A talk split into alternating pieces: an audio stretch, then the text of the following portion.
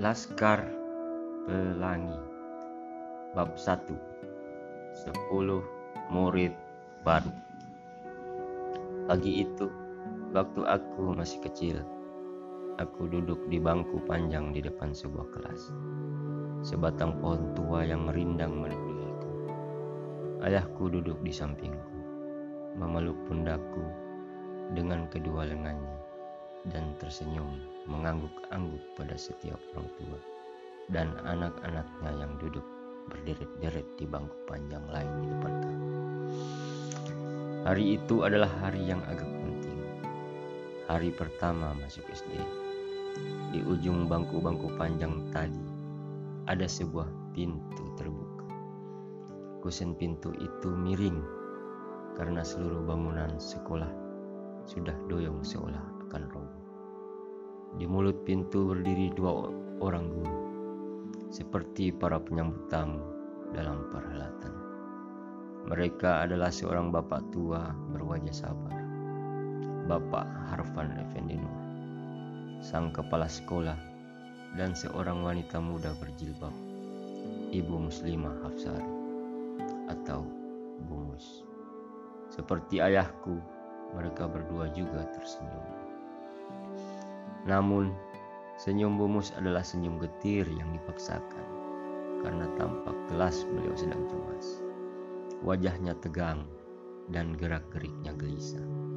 Ia berulang kali menghitung jumlah anak-anak yang duduk di bangku panjang. Ia demikian khawatir sehingga tak peduli pada peluh yang mengalir masuk ke pelupuk matanya. Titik-titik keringat yang bertimbulan di seputar hidungnya menghapus bedak tepung beras yang dikenakannya. Membuat wajahnya coreng-moreng seperti pameran emban bagi permaisuri dalam dulmu. Sandiwara kuno kampung kami. Sembilan orang, baru sembilan orang pemandagur. Masih kurang satu. Katanya gusar pada bapak kepala sekolah. Pak Harpan menatapnya kosong. Aku juga merasa cemas. Aku cemas karena melihat Bumus yang resah dan karena beban perasaan ayahku menjalar ke sekujur tubuhku. Meskipun beliau begitu ramah, pagi ini, tapi lengan kasarnya yang melingkari leherku mengalirkan degup jantung yang cepat. Aku tahu beliau sedang gugup dan aku maklum bahwa tak mudah bagi seorang pria berusia 47 tahun seorang buruh tambang yang beranak banyak dan bergaji kecil untuk menyerahkan anak laki-lakinya ke sekolah. Lebih mudah menyerahkannya pada tauke pasar pagi untuk jadi tukang parut atau pada juragan pantai untuk menjadi kuli kopra agar dapat membantu ekonomi keluarga. Menyekolahkan anak berarti mengikatkan diri pada biaya selama belasan tahun dan hal itu bukan perkara gampang bagi keluarga kami kasihan ayahku. Maka aku tak sampai hati memandang wajahnya. Barangkali sebaiknya aku pulang saja, melupakan keinginan sekolah, dan mengikuti jejak beberapa abang dan sepupu-sepupu menjadi kuli. Tapi agaknya bukan hanya ayahku yang gentar. Setiap wajah orang tua di depanku mengesankan bahwa mereka tidak sedang duduk di bangku panjang itu. Karena pikiran mereka seperti pikiran ayahku, melayang-layang ke pasar pagi atau ke keramba di tepian laut, membayangkan anak lelakinya lebih baik menjadi pesuruh di sana. Para orang tua ini sama sekali tak yakin bahwa pendidikan anaknya yang hanya mampu mereka biayai paling tinggi sampai SMP akan dapat mempercerah masa depan keluarga. Pagi ini mereka terpaksa berada di sekolah ini untuk menghindarkan diri dari celaan aparat desa karena tak menyekolahkan anak atau sebagai orang yang terjebak tuntutan zaman baru, tuntutan memerdekakan anak dari buta huruf.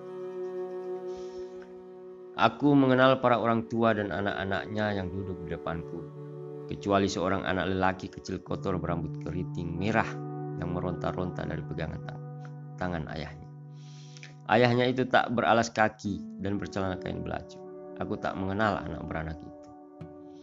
Selebihnya adalah teman baikku, Trapani misalnya, yang duduk di pangkuan ibunya, atau Kucai yang duduk di samping ayahnya, atau Sahdan yang tak diantar siapa-siapa. Kami bertetangga dan kami adalah orang-orang Melayu Belitung dari sebuah komunitas yang paling miskin di pulau itu. Adapun sekolah ini, SD Muhammadiyah, juga sekolah kampung yang paling miskin di Belitung. Ada tiga alasan mengapa para orang tua mendaftarkan anaknya di sini. Pertama, karena sekolah Muhammadiyah tidak menetapkan iuran dalam bentuk apa pun. Para orang tua hanya menyumbang sukarela semampu mereka. Kedua, karena firasat anak-anak mereka dianggap memiliki karakter yang mudah disesatkan iblis sehingga sejak usia muda harus mendapatkan pendidikan Islam yang tangguh. Ketiga, karena anaknya memang tak diterima di sekolah mana pun. Bumus yang semakin khawatir memancang pandangannya ke jalan raya di seberang lapangan sekolah, berharap kalau-kalau masih ada pendaftar baru. Kami prihatin melihat harapan hampa itu, maka tidak seperti suasana di SD lain yang penuh kegembiraan ketika menerima murid angkatan baru. Suasana hari pertama di SD Muhammadiyah penuh dengan kerisauan. Dan yang paling risau adalah Bu Mus dan Pak Harfan.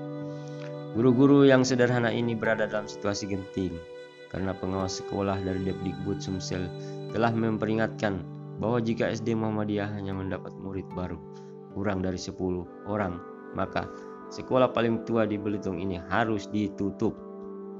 Karena itu, sekarang Bumus dan Pak Harpan cemas sebab sekolah mereka akan tamat riwayatnya. Sedangkan para orang tua cemas karena biaya dan kami, sembilan anak-anak kecil ini yang terperangkap di tengah cemas kalau kalau kami tak jadi sekolah. Tahun lalu SD Muhammadiyah hanya mendapatkan 11 siswa dan tahun ini Pak Harpan pesimis dapat memenuhi target 10. Maka diam-diam beliau telah mempersiapkan sebuah pidato pembubaran sekolah di depan para orang tua murid pada kesempatan pagi ini. Kenyataan bahwa beliau hanya memerlukan satu siswa lagi untuk memenuhi target itu menyebabkan pidato ini akan menjadi sesuatu yang menyakitkan hati. Kita tunggu sampai pukul 11, kata Pak Harpan pada Bumus dan seluruh orang tua yang telah pasrah. Suasana hening. Para orang tua mungkin menganggap kekurangan satu murid sebagai pertanda bagi anak-anaknya bahwa mereka memang sebaiknya didaftarkan pada para juragan saja. Sedangkan aku dan agaknya juga anak-anak yang lain merasa amat pedih. Pedih pada orang tua kami yang tak mampu. Pedih menyaksikan detik-detik terakhir sebuah sekolah tua yang tutup justru pada hari pertama kami ingin sekolah. Dan pedih pada niat kuat kami untuk belajar tapi tinggal selangkah lagi harus terhenti hanya karena kekurangan satu murid. Kami menunduk dalam-dalam. Saat itu sudah pukul 11 kurang 5 dan Bumus semakin gundah. Lima tahun pengabdiannya di sekolah melarat yang amat ia cintai dan 32 tahun pengabdian tanpa pamrih pada Pak Harpan, pamannya, akan berakhir di pagi yang sendu ini. Baru sembilan orang komanda guru. Ucap Bumus bergetar sekali lagi. Ia sudah tak bisa berpikir jernih. Ia berulang kali mengucapkan hal yang sama yang telah diketahui semua orang. Suaranya berat selayaknya orang yang tertekan batinnya. Akhirnya, waktu habis karena telah pukul 11.05 dan jumlah murid tak juga genap 10. Semangat besarku untuk sekolah perlahan-lahan runtuh. Aku melepaskan lengan ayahku dari pundakku. Sahara menangis terisak-isak mendekap ibunya karena ia benar-benar ingin sekolah di SD Muhammadiyah. Ia memakai sepatu, kaos kaki, jilbab, dan baju, serta telah punya buku-buku, botol air minum, dan tas punggung yang semuanya baru. Pak Harpan menghampiri orang tua murid dan menyalami mereka satu persatu. Sebuah pemandangan yang pilu. Para orang tua menepuk-nepuk bahunya untuk membesarkan hatinya. Mata Bumus berkilauan karena air mata yang menggenang. Pak Harpan berdiri di depan para orang tua. Wajahnya muram. Beliau bersiap-siap memberikan pidato terakhir. Wajahnya tampak putus asa namun ketika beliau akan mengucapkan kata pertama, Assalamualaikum, seluruh hadirin terperanjat karena Tripani berteriak sambil menunjuk ke pinggir lapangan rumput luas halaman sekolah itu. Harun! Kami serentak menoleh dan di kejauhan tampak seorang pria kurus tinggi berjalan tersiok-siok. Pakaian dan sisiran rambutnya sangat rapi. Ia berkemeja lengan panjang putih yang dimasukkan ke dalam. Kaki dan langkahnya membentuk huruf X, sehingga jika berjalan seluruh tubuhnya bergoyang-goyang hebat. Seorang wanita gemuk setengah baya yang berseri-seri susah payah memeganginya. Pria itu adalah Harun, pria jenaka sahabat kami semua, yang sudah berusia 15 tahun dan agak terbelakang mentalnya. Ia sangat gembira dan berjalan cepat, setengah berlari tak sabar menghampiri kami. Ia tak menghiraukan ibunya yang tercepuk-cepuk kewalahan menggandengnya. Mereka berdua hampir kehabisan napas ketika tiba di depan Pak Harpan. Bapak guru, kata ibunya terengah-engah. Terimalah Harun, Pak, karena SLB hanya ada di Pulau Bangka dan kami tak punya biaya untuk menyekolahkannya ke sana. Lagi pula lebih baik kutitipkan dia di sekolah ini daripada di rumah ia hanya mengejar-ngejar anak-anak ayam. Harun tersenyum lebar memamerkan giginya yang kuning panjang-panjang. Pak Harfan juga tersenyum. Beliau melirik Bumus sambil mengangkat bahunya. Genap sepuluh orang, katanya. Harun telah menyelamatkan kami, dan kami pun bersorak. Sarah berdiri tegak, merapikan lipatan jilbabnya, dan menyandang tasnya dengan gagah. Ia tak mau duduk lagi.